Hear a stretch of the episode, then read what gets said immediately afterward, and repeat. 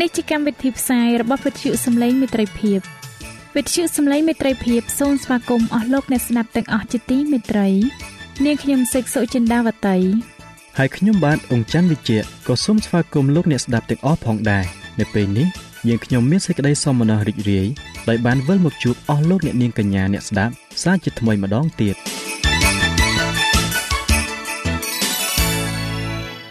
នាងខ្ញុំសេកសុចិន្តាវតី សូមជម្រាបជូនកម្មវិធីផ្សាយដែលមានជាបន្តបន្ទាប់ដូចតទៅនេតិជួបជាមួយព្រះបន្ទូលនេតិបទទំនាយនិងប្រវត្តិសាស្ត្រចា៎លោកអ្នកស្ដាប់ជាទីមេត្រី នាងខ្ញុំសូមគោរពអញ្ជើញអស់លោកលោកស្រី អ្នកនាងកញ្ញាតាមដានស្ដាប់កម្មវិធីផ្សាយរបស់វិទ្យុយើងខ្ញុំដូចតទៅ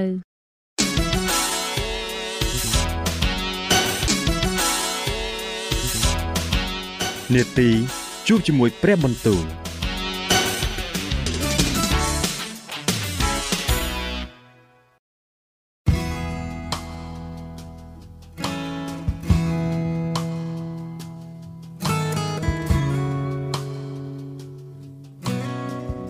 ចាអស់លោកអ្នកស្ដាប់ជាទីមេត្រី ជាដំបូងនាងខ្ញុំសូមអញ្ជើញលោកអ្នកនាងស្ដាប់នេតិជួបជាមួយព្រះបន្ទូលនេតិនេះនឹងលើកយកព្រះបន្ទូល ពីព្រះគម្ពីរយោបដែលនឹងជម្រាបជូនដល់លោកអង្ចាន់វិជ្ជៈដូចតទៅ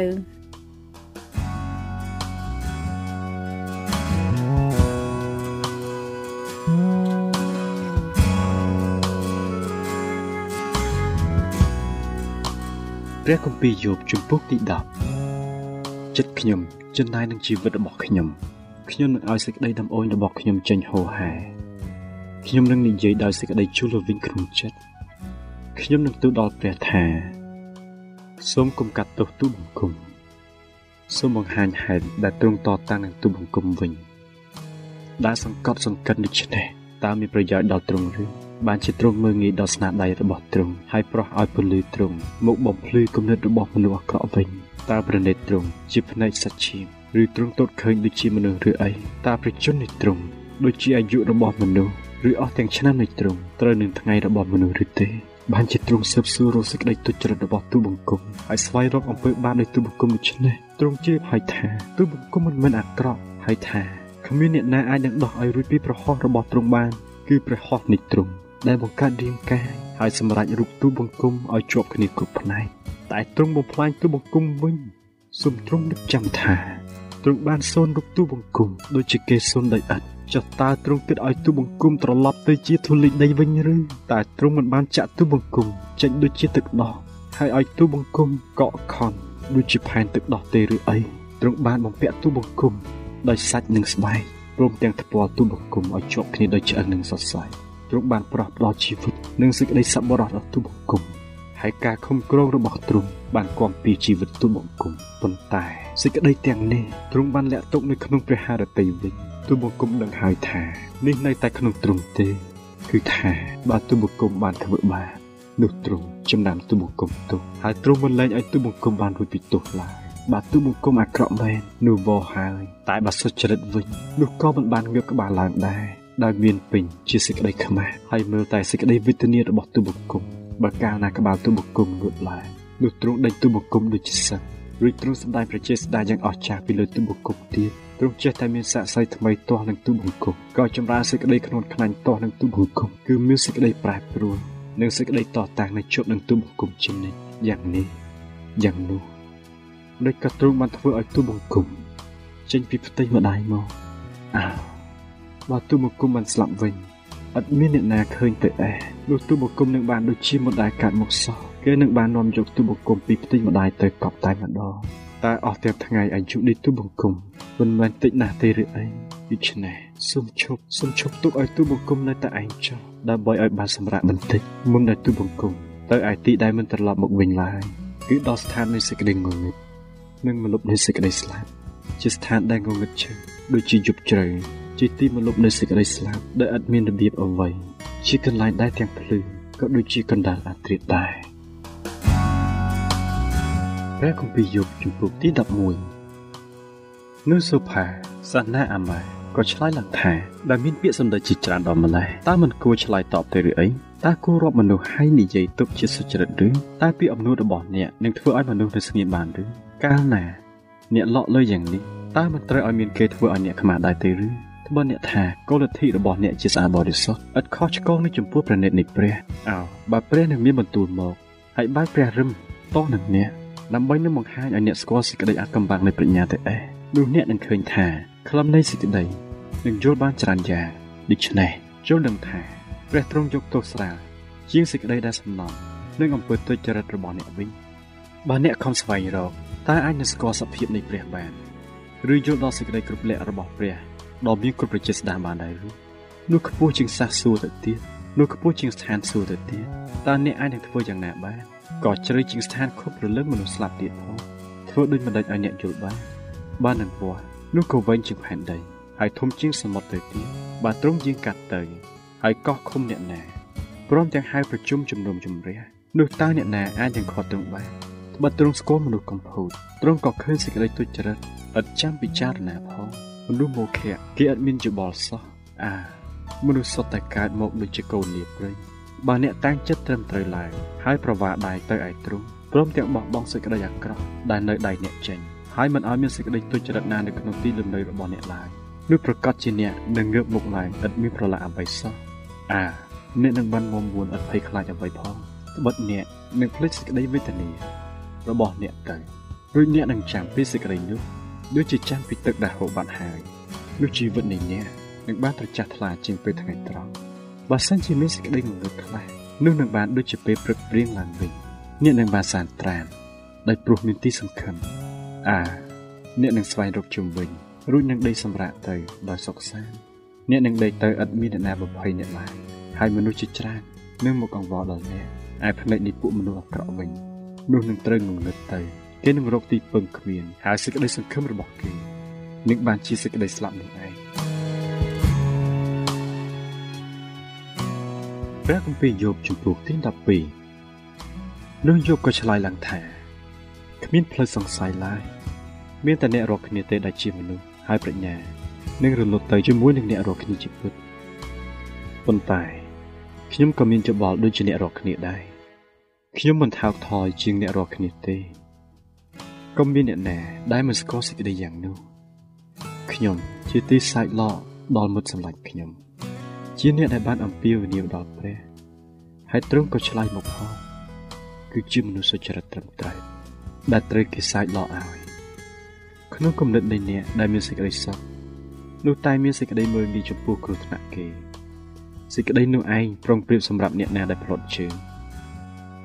ទីលំនៅរបស់ពួកចៅចេះតែមានសេចក្តីចម្រើនហើយពួកអ្នកដែលធ្វើឲ្យព្រះថ្នាំងថ្នាក់ព្រះハរតី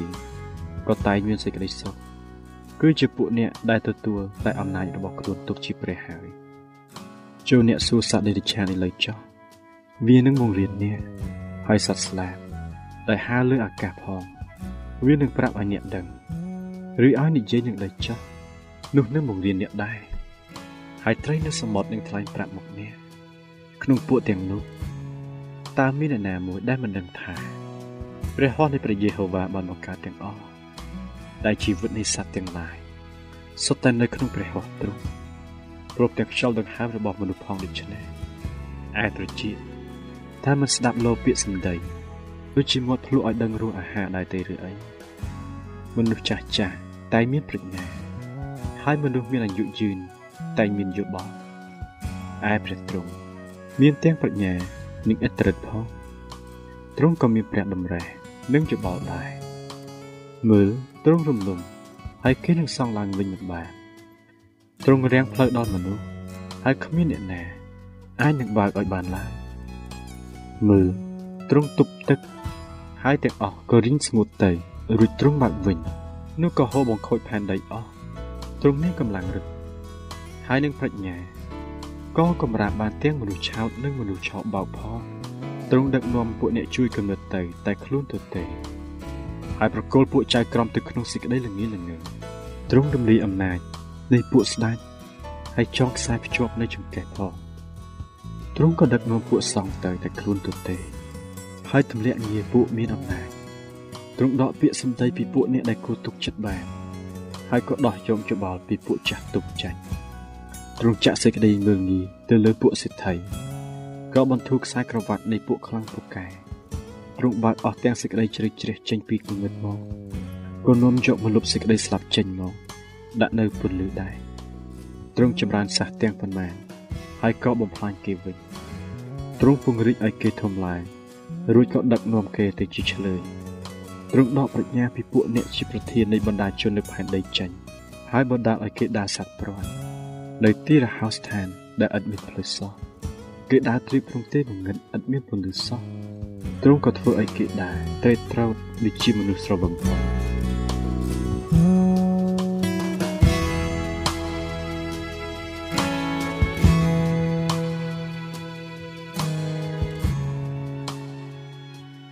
ចា៎ប្រិយមិត្តអ្នកស្ដាប់ជាទីមេត្រី ដោយពេលវេលាមានកំណត់ យើងខ្ញុំសូមផ្អាកនាទីជប់ជាមួយព្រឹបបន្ទូលនេះត្រឹមតែប៉ុណ្ណេះសិនចុះដោយសន្យាថានឹងលើកយកនីតិនេះ មកជម្រាបជូនជាបន្តទៀតនៅថ្ងៃច័ន្ទសប្តាហ៍ក្រោយ សូមអរគុណ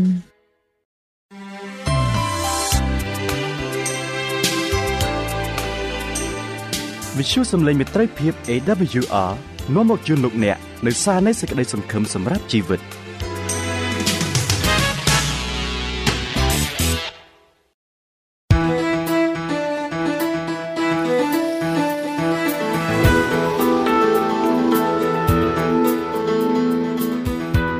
សូមជូននីតិវត្តនីនិងប្រវត្តិសាស្ត្រ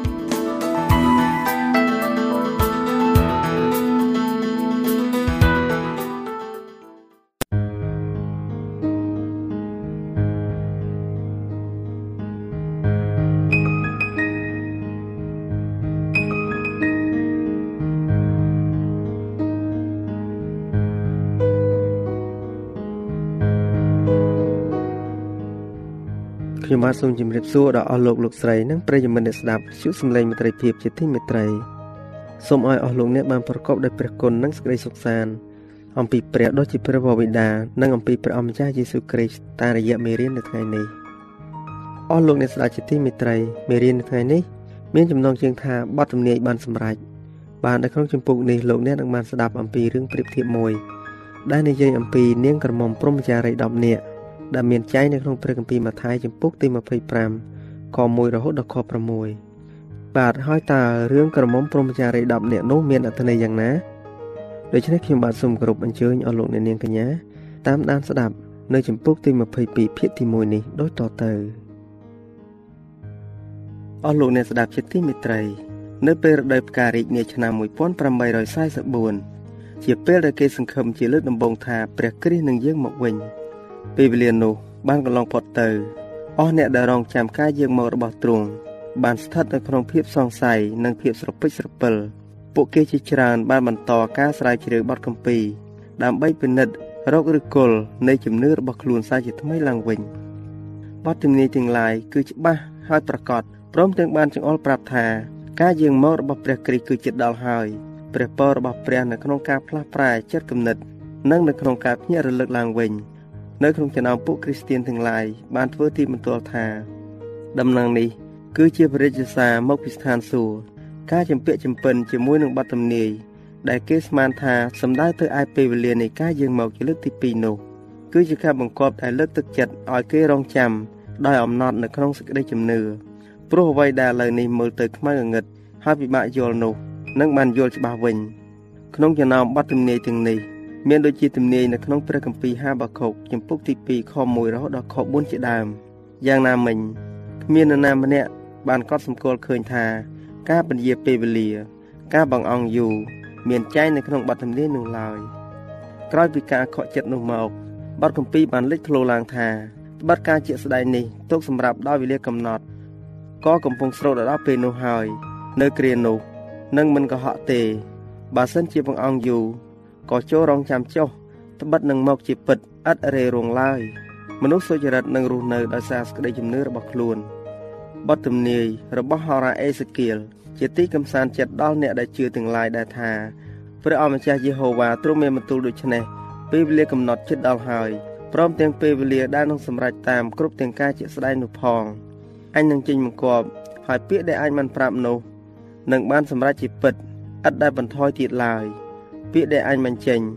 នោះនឹងបានសម្រេចជាពិតព្រះគម្ពីរអេសេគៀលចំពុកទី12ខ23រហូតដល់ខ25និងខ28អ្នកដែលរងចាំបានអសប្បាយ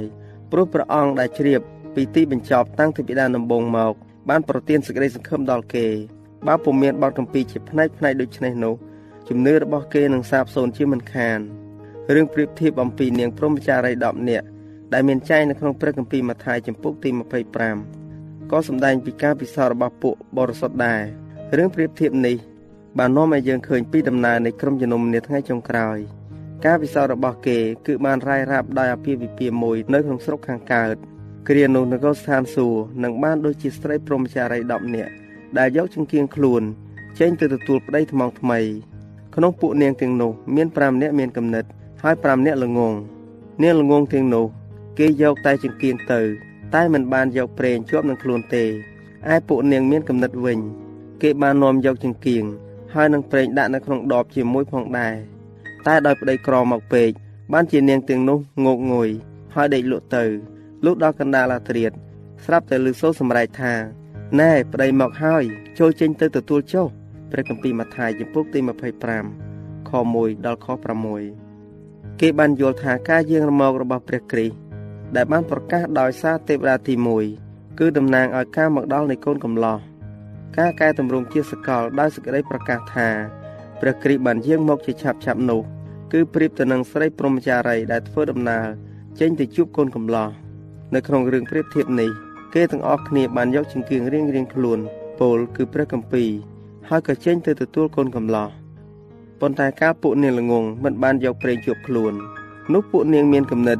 គេបានយកទៀងចង្គៀងហើយនឹងប្រេងដាក់នៅក្នុងដបទៅជាមួយដែរពួកនាងមានគំនិតបានសិក្សាបទកម្ពីដើម្បីរៀនពីសេចក្តីពិតហើយបានបាត់ផ្សោតផ្ទាល់ខ្លួន ដែលជាការជឿដល់ព្រះ ដែលមិនអាចរលំបានឡើយទោះជាមានការខកចិត្តឬការពន្យាពេលវេលាក៏ដោយអ្នកខ្លះប្រព្រឹត្តទៅដោយកំសួលចិត្តព្រោះដំណឹងនោះធ្វើឲ្យគេភិតភ័យគេបានសំអាងទៅលើសេចក្តីជំនឿរបស់អ្នកដទៃគេស្កប់ចិត្តនឹងមនោសញ្ចេតនាដែលឆេះលឹមលឹមដោយមិនបានយល់ច្បាស់ អំពីសេចក្តីពិតឬអំពីព្រះគុណដែលធ្វើការនៅក្នុងចិត្តឡើយពួកគេទាំងនោះបានចេញទៅទទួលព្រះអម្ចាស់ដោយសង្ឃឹមថាបានរង្វាន់ភ្លាមភ្លាមប៉ុន្តែពុំចង់ប្រទះឃើញនឹងការពន្យាពេលវេលាឬខកចិត្តឡើយជំនឿរបស់គេក៏ត្រូវសាបសូន្យទៅ ដោយប្តីក្រមកពេកនាងទាំងនោះបានងក់ងុយហើយដេកលក់ទៅ ការដែលកូនកំឡោះក្រមក គឺតំណាងពីពេលវេលាដែលកន្លងផុតទៅពលគឺការខកចិត្ត ដែលជាការមើលទៅដូចជាការពន្យាពេលវេលាអស់អ្នកដែលតាំងគោលជំនឿទៅលើការចេះដឹងពីព្រះគម្ពីរប្រៀបដូចជាមានថ្មនៅក្រោមជើងរបស់គេ ដែលរលកនៃការខកចិត្តមិនអាចបក់បោកឲ្យរសាត់បានឡើយនាងទាំងនោះងក់ងុយហើយដេកលក់ទៅ មានន័យថាក្រុមមួយបានបោះបង់ចោលជំនឿរបស់ខ្លួនចោលក្រុមមួយទៀតរងចាំទាំងអំណត់លុះត្រាតែទទួលពន្លឺដែលភ្លឺជាង អ្នកមានជំនឿសើសើ មិនអាចពឹងផ្អែកទៅលើជំនឿអ្នកដទៃបានទេ ម្នាក់ម្នាក់ត្រូវឈរឬដួលដោយខ្លួនឯងអស់លោកអ្នកស្ដាប់ជាទីមេត្រីជំនឿងប់ងល់លេចឡើង បានមកដល់ពេលនេះ មានការជឿងប់ងល់ចាប់ផ្ដើមលេចចេញមកអ្នកខ្លះបង្ហាញការជឿងប់ងល់ដោយប្រកាន់ខ្លួនថាត្រូវទាំងអស់ក្រុមជំនុំដ៏ធំនៃពួកបរិសុទ្ធពុំបានមូលមតិស្របដល់គំនិតដែលជឿងប់ងល់របស់ពួកគេទេប៉ុណ្ណឹងហើយ ពួកងប់ងល់នេះ នៅតែថ្កោលទោស ដល់ដំណើរការនៃសេចក្តីជំនឿពិតទៀតសាតាំងបានដឹងថាខ្លួនកំពុងតែចាញ់ហើយក៏ខំស្វះស្វែងបញ្ឆោតអ្នកខ្លះដែលអះអាងថាមានជំនឿហើយធ្វើឲ្យគេប្រព្រឹត្តជ្រុលហួសហេតុដើម្បីផ្ចាញ់ចោលដល់កិច្ចការរបស់ព្រះ បន្ទាប់មកភ្នាក់ងាររបស់វា នៅចាំចាប់គ្រប់ទាំងកំហុសព្រមទាំងអំពើមិនសមរម្យហើយយកទៅនិយាយពន្លើសឲ្យគេដឹងឮគ្រប់គ្នា ដើម្បីឲ្យគេខ្ពើមរអាមដល់ពួកបរិសុទ្ធចំនួនមនុស្សដែលវាប្រមូលឲ្យអះអាងថា ជឿនៅក្នុងការយាងមកជាលើកទី2បានកើនឡើងប៉ុណ្ណានៅក្នុងពេលដែលអំណាចរបស់វា គ្រប់គ្រងចិត្តរបស់គេ វាក៏បានប្រយោជន៍កាន់តែច្រើនឡើងប៉ុណ្ណោះដែរសាតាំងគឺជាអ្នកដែលចោទប្រកាន់អំពីពួកបងប្អូនយើង វិញ្ញាណរបស់វាបណ្ដាលចិត្តមនុស្សឲ្យសម្លឹងចាំចាក់កំហុសនៃប្រជារាស្ត្ររបស់ព្រះ ហើយលើកកំហុសទាំងនោះឡើងឲ្យគេឃើញ តែឯចំណែកអំពើល្អរបស់គេវិញគ្មានអ្នកណាលើកយកមកនិយាយស្ដីសោះ ក្នុងគ្រប់ទាំងប្រវត្តិសាស្ត្រនៃព្រះវិហារគ្គ្មានការកែតម្រង់ណាដែលចម្រើនទៅមុខដោយឥតប្រទះនឹងឧបសគ្គដ៏ធ្ងន់ធ្ងរនោះឡើយនៅទីណាដែលសាវកប៉ុលបានបង្កើតក្រុមជំនុំឡើងអ្នកខ្លះដែលអះអាងថាខ្លួនជឿហើយនោះរមែងនាំមកនៅលទ្ធិបែកឆ្វេងលោក Martin Luther ក៏បានរងទុក្ខព្រួយ ដោយសារពួកជំនឿងប់ងល់ដែលអះអាងថាព្រះបានមានបន្ទូលតាមរយៈពួកគេផ្ទាល់និងដោយសារពួកគេ តាំងជាគំនិតរបស់គេលើបទកម្ពីមនុស្សភាគច្រើនត្រូវបានពួកគ្រូថ្មីថ្មីបញ្ឆោតហើយក៏ចូលរួមជាមួយនឹងសាតាំងក្នុងការបំបែកបំបាក់នៅអ្វីដែលព្រះបានបណ្ដាលឲ្យលោក Luther បានសង់ឡើងនោះរីឯក្រុមរបស់លោក John Wesley ក៏បានប្រទះនឹងឧបសគ្គដ៏ប៉ុនប្រសររបស់សាតាំងដែរក្នុងការដែលវាជំរុញអ្នកដែលពុំមានលំនឹងរឹងមាំនិងមិនបរិសុទ្ធឲ្យមានជំនឿងប់ងល់រីឯលោក William Miller ពុំយល់ស្របនឹងជំនឿងប់ងល់នោះទេគាត់បានមានប្រសាសន៍ថាអរិយមានអំណាចខ្លាំងណាស់លើចិត្តមនុស្សនាពេលបច្ចុប្បន្ននេះខ្ញុំតែងតែឃើញជាញឹកញាប់នៅផុសតាងនៃការគោរពដែលសម្ដែងមកពីខាងក្នុងចិត្តតាមរយៈភ្នែកក្រហមថ្ពាល់ដែលសើមដោយទឹកភ្នែកនិងសំឡេងអូលដើមកជាងអស់ទាំងសំឡេងនៅក្នុងពិភពគ្រីស្ទានទៅទៀតក្នុងកំណែតម្រង់ពួកសត្រូវបានចោទអំពើអាក្រក់នៃជំនឿងប់ងល់ ទៅលើអស់អ្នកដែលខិតខំធ្វើការប្រឆាំងនឹងកិរិយាប្រៀបធៀបវិញអ្នកប្រឆាំងនឹងចលនានៃការយាងនិវត្តន៍មកវិញរបស់ព្រះគ្រីស្ទក៏បានខិតខំប្រព្រឹត្តអំពើស្តៀងគ្នាដែរដោយមិនបានស្កប់ស្កល់នឹងការពន្លើកំហុសនៃពួកងប់ងល់គេថែមទាំងផ្សព្វផ្សាយរបាយការណ៍ដែលខុសស្រឡះអំពីរឿងពិតការប្រកាសផ្សាយថាព្រះគ្រីស្ទគឺនៅនឹងមាត់ទ្វារខ្លួនបានធ្វើរំខានដល់សេចក្តីសុខរបស់គេព្រោះគេខ្លាចក្រែងការនោះ នឹងមកជាពិត តែគេខំសង្ឃឹមថានឹងមិនពិតវិញនេះហើយជាការអាចកំបាំងរបស់ពួកគេ ដែលប្រឆាំងទាស់នឹងពួកបរិសុទ្ធនោះការផ្សព្វផ្សាយវិរិយសារនៃទេវតាទី1បានសម្ដៅទៅលើការគៀបសង្កត់និងជំងឺងប់ងល់តែម្ដងអ្នកដែលចូលរួមនៅក្នុងចលនាដ៏អឡារឹកនេះមានការចុះសម្រុងនឹងគ្នាចិត្តគំនិតគេទាំងឡាយបានពោពេញទៅដោយសេចក្តីស្រឡាញ់ចំពោះគ្នាទៅវិញទៅមកនិងចំពោះព្រះគ្រីស្ទដែលគេសង្ឃឹមថានឹងឃើញក្នុងពេលបន្តិចទៀត ជំនឿតែមួយសេចក្តីសង្ឃឹមតែមួយ ដែលប្រកបដោយព្រះពរបានបង្ហាញថាជាខាលរារាំងដល់ការវាយប្រហាររបស់សាតាំងអស់លោកអ្នកដែលកំពុងតែតាមដានស្ដាប់វិទ្យុសំឡេងមិត្តភាពជាទីមេត្រីសូមឲ្យលោកអ្នកស្ដាប់នៅចំណុចមួយទៀតដែលនិយាយអំពី កំហុសត្រូវបានកែតម្រូវឡើងវិញ បាទដោយប្តីក្រមកពេកនាងទាំងនោះបានងក់ងុយហើយដេកលក់ទៅលុះដល់ពាក្យកណ្ដាលអាត្រៀតស្រាប់តែលឺសម្រែកថាណែប្តីមកហើយ ចូលចេញទៅទទួលចុះបាទនៅរដូវក្តៅនាឆ្នាំ1844គេបានប្រកាសផ្សាយនៅអ្វីដែលបានចែងទុកនៅក្នុងបទកម្ពីអ្វីដែលធ្វើឲ្យគេឈានដល់ចលនានោះគឺជាការរកឃើញថាបទបញ្ជារបស់ស្ដេចអឺថា success ដែលបង្កប់ឲ្យជួសជុលក្រុងយេរូសាឡឹមឡើងវិញនោះបង្កើតជាចំណុចដានដំបូងនៃកំឡុងពេល2300ថ្ងៃបានចេញជាផ្លូវការនៅរដូវលឹកឈើជ្រុះ នាឆ្នាំ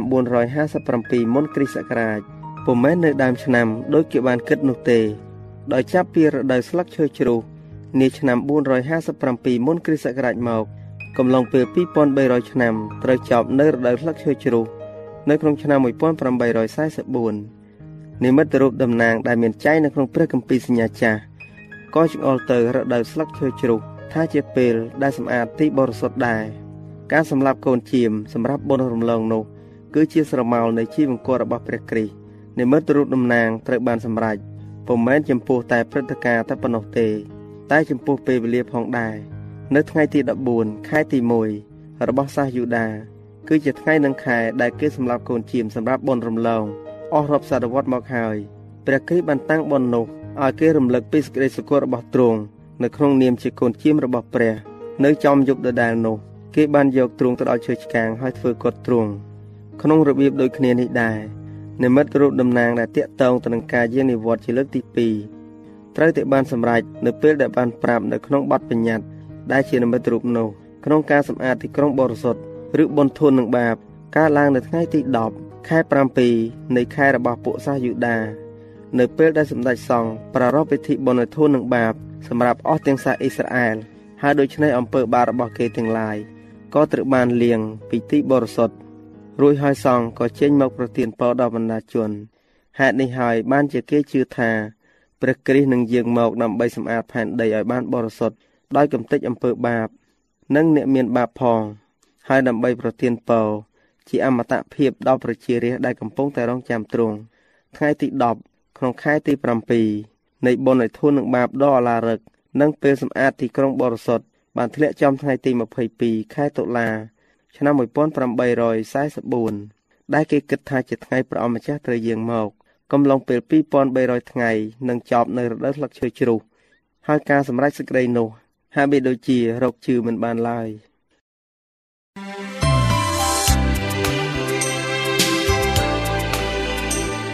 វិទ្យុសំឡេងមេត្រីភាព AWR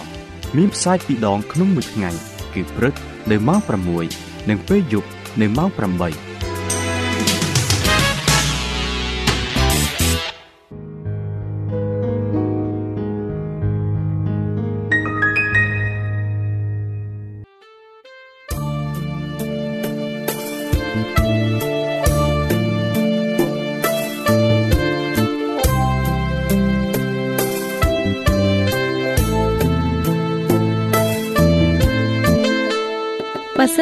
អ្នកមានសំណួរ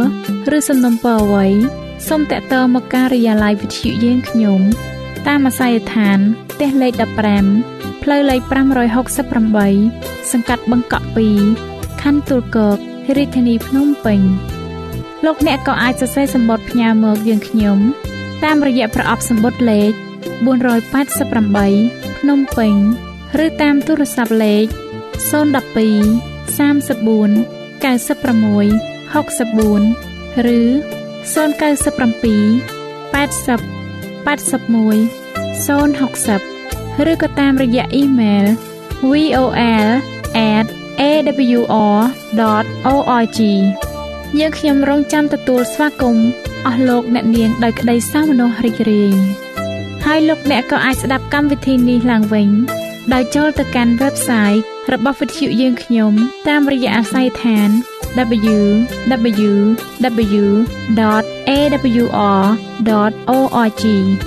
លោកអ្នកនាងកញ្ញាជាទីមេត្រី កម្មវិធីផ្សាយរបស់វិទ្យុសំឡេងមេត្រីភាពនៅពេលនេះសូមបញ្ចប់តែប៉ុណ្ណេះ